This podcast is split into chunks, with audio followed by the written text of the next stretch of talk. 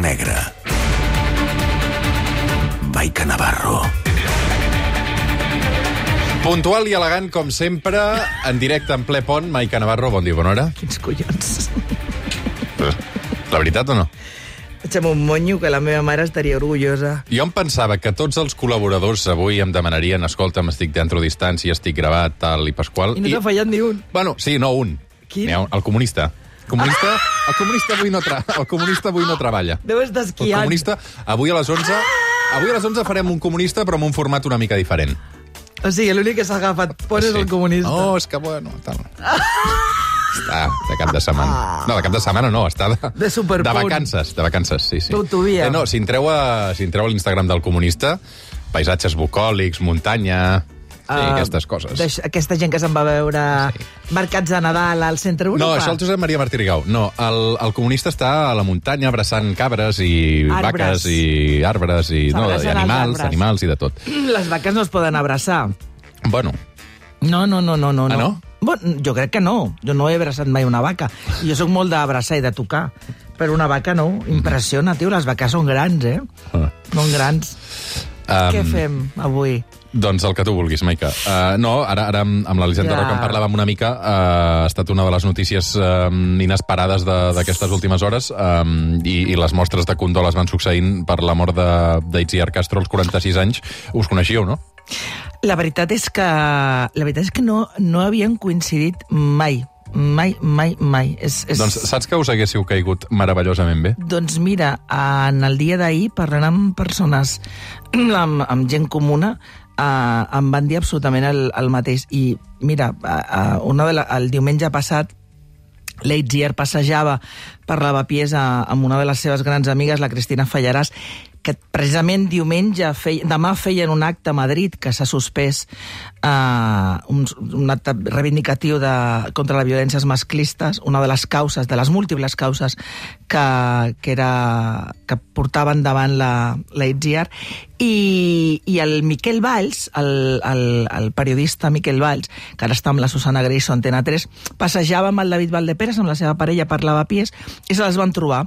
I van començar a xerrar i van acabar aprenent alguna cosa. I, de fet, ja et dic que fa set dies estaven, estaven plegats. I em deia el Miquel, ostres, és que us haguéssiu caigut, perquè també donava per fet que havien coincidit en algun moment. I no, no, no, no, no havien coincidit. Jo, era, jo la seguia eh, per Instagram, em quedava, em bavejava amb la seva vitalitat i, sobretot, estava tan absolutament plena de vida, plena de vida, tenia aquesta fortalesa.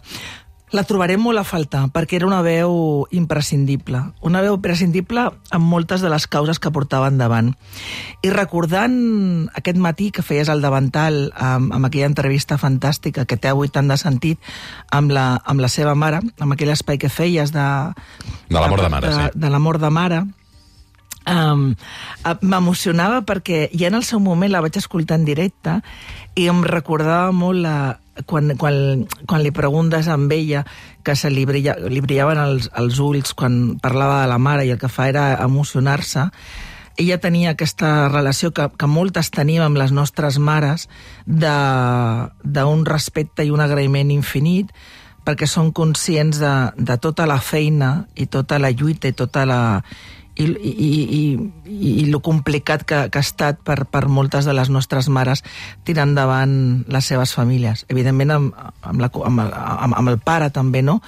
Però, però que tenim absolutament mitificades i, i molt presents la, la figura de la mare. I veure la manera en què l'Eitziar parlava de la seva mare amb aquesta emoció, amb aquest respecte, amb aquesta devoció, doncs, doncs em passa molt a mi, no? I, i em identificava molt amb aquesta relació quan tu li deies li expliques tot? Pues no, perquè són mares, no són amigues, és la teva mare. Però la teva mare sap, sap quan estàs bé, sap, sap trucar-te i avançar-se. Tu fa, fa, fa estona que no sé res de tu, no? Estàs bé? Doncs això mateix. La, deia que la trobarem a faltar. Mm, escolta'm, um, la notícia la van seguir a primeríssima hora del matí la Tura Soler, uh, i avui la Tura Soler mm, publica un article al Punt Avui molt interessant que es titula uh, La mort d'Itziar Castro era certa. En aquest article el Sí. que um, explica la Tura Soler és que es qüestiona que moltíssima gent, tan bon punt ahir va publicar la notícia, Sí. li preguntava si era veritat. És a dir, no donaven veracitat a aquesta mort. Sí. Un dels factors podia ser la joventut, la mort sobtada, la sorpresa, um, però després mm, mm, explica que se sentia una mica qüestionada. Uh, escolta'm, si, si ho publico jo, és que jo he verificat que això és cert i que ho puc dir. De fet, era... És que ja la nit vaig parlar amb la Tura, de... la vaig trucar per telèfon, i vam estar parlant molt d'estona i em va explicar allò de... Escolta, m'ha passat una cosa que no m'havia passat mai. No m'havia passat mai. Això m'ho explicava la Tura i, i és l'article que avui publica el, el punt. El primer que, que, que comunica l'amor de l'Aitziar és aquest director de cinema que és molt amic seu, ara no recordo el nom, però una mica la mare, és precisament la família li demana que, que faci pública la, la seva amor. Recordem que ella comença a trobar-se malament cap a dos quarts de, de dues, a la una cap a dos quarts de dues, estan, entre d'altres persones que l'acompanyen en aquell moment a la, a la piscina municipal de Lloret, on estan assajant una gala benèfica, és la Natarrés, hi ha més gent, uh -huh. comença a trobar-se malament, no hem acabat mai cap ningú de confirmar si no es comença a trobar malament a l'aigua o fora, però no es troba malament, eh, comença a trobar-se malament, es toquen els serveis mèdics, co- comencen a fer unes maniobres de recuperació i estan gairebé una hora i no aconsegueixen fins que es confirma i es, verifi, es confirma la seva mort. És el, aquest director de cinema qui al primer del matí fa pública aquesta, aquest, aquest amor, Uh -huh. El Franqui de Leonardi. Exacte. I el que passa és que la Tura Soler és la primera persona, i, i molt immediatament després, qui, la primera periodista, qui explica que l'amor a, ubica l'amor a aquesta piscina municipal de Lloret i és la primera que ho fa. I és cert que m'explicava la Tura, escolta, tu pots creure que em van trucar de ràdios, eh, companys de premsa, d'agències, per preguntar-me però, però Tura, ho tens confirmat, no? Collons, i al final em vaig cabrejar, dic, però algú pot pensar que jo eh, publicaré fins i tot un escenari i on, on s'ha produït l'amor sense tenir confirmadíssim això. Dit això, ens podem equivocar, eh? Jo, la Tura, qualsevol ens podem equivocar. Per això els errors dels periodistes de successos, per això nosaltres els de successos hem de fer moltes més verificacions que qualsevol altre periodista de qualsevol altra secció, perquè les nostres els nostres errors involuntaris provoquen un, un mal un, un mal molt gran i per tant ella era però, però, però tu creus que tothom i jo li deia, Tura, potser és no sé, perquè era una dona tan plena de vida i em deia una frase la Tura que crec que la record, que la, no he llegit a l'article, però, però em deia, diu, aquests dies saps que la Tura ha fet un llibre amb el Narcís Bardalet, el, el, el Sí. forense, mm -hmm. i una de les frases, i diu, i em deia la Tura, fent bolos amb el Bardalet per, per Catalunya, una de les coses que diu el Bardalet és, ostres, per morir-te només cal un element, i és estar viu. Morir és molt fàcil, no has de fer res i la mort ja arribarà sola. Aquestes paraules les he sentit a dir moltes vegades al forense Narcís Bardalet. És una veritat irrefutable. Descansa en pau, Itziar, és com remata aquest article avui la Tura Soler. Clar, o sigui, per morir-te només cal estar viu. I l'Etziar estava plena de vida, rebosava vida. Per això jo li deia, potser perquè... Clar, la Tura em deia, cada dia es mor molta gent per causes sobtades. O sigui, no cal buscar molta causa. Evidentment se li està fent en aquests moments l'autòpsia determinarà eh, l'origen de el per, si hi ha un per què d'aquesta mort sobtada i si té a veure precisament amb una malaltia que ella patia des de feia molt de temps i que, i que sabia el seu entorn més pròxim, les seves amigues eren conscients de que a, a, aquest volum que tenia l'Etzier no era, no era un volum voluntari, o sigui, era, formava part d'una malaltia eh, degenerativa que no tenia remei i que l'obligava fins i tot a entrar a quiròfan de manera reiterada per eliminar greix d'un cos que, bueno, pues que, que, que patia aquesta malaltia. O sigui, no estàvem parlant... No, L'Aitzier no, no tenia aquest volum per voluntat, ni en feia militància d'això. El que sí feia, i és el que molta gent eh, no ha entès mai i s'ha demostrat eh, aquests dies, aquestes últimes hores després de la seva mort, com la gent continua eh, vessant odi i, i, i, i, i, i, i, i, trans, i, i, i, odi... És a dir, és... Hi, ha, hi ha hagut moltes mostres de condol eh, des d'institucions, personalitats, món de la faràndula, de totes les disciplines diferents, que ha sobrepassat fins i tot la família, pel que em diu la família, i he parlat amb la mare, um, però el que ha despertat també la mort de l'Aitziar és una quantitat de grassofòbia que ni en Això. els moments posteriors a conèixer la seva mort han pogut reprimir el seu odi a les xarxes amb insults um, sí. dirigits a una persona que acaba de perdre la vida. Per això mateix, eh, eh, tot, i tot aquest odi el que demostra és que la lluita, del, la lluita de l'Aitziar era més que necessària, perquè ella lluitava i patia aquesta grassofòbia des de ben petita. I a més a més la seva resposta era beligerant, però sense perdre l'educació i rient. I a més a més, amb això l'has d'afegir que era una dona, que a més a més era lesbiana, uh, i a més a més uh, era una dona feliç.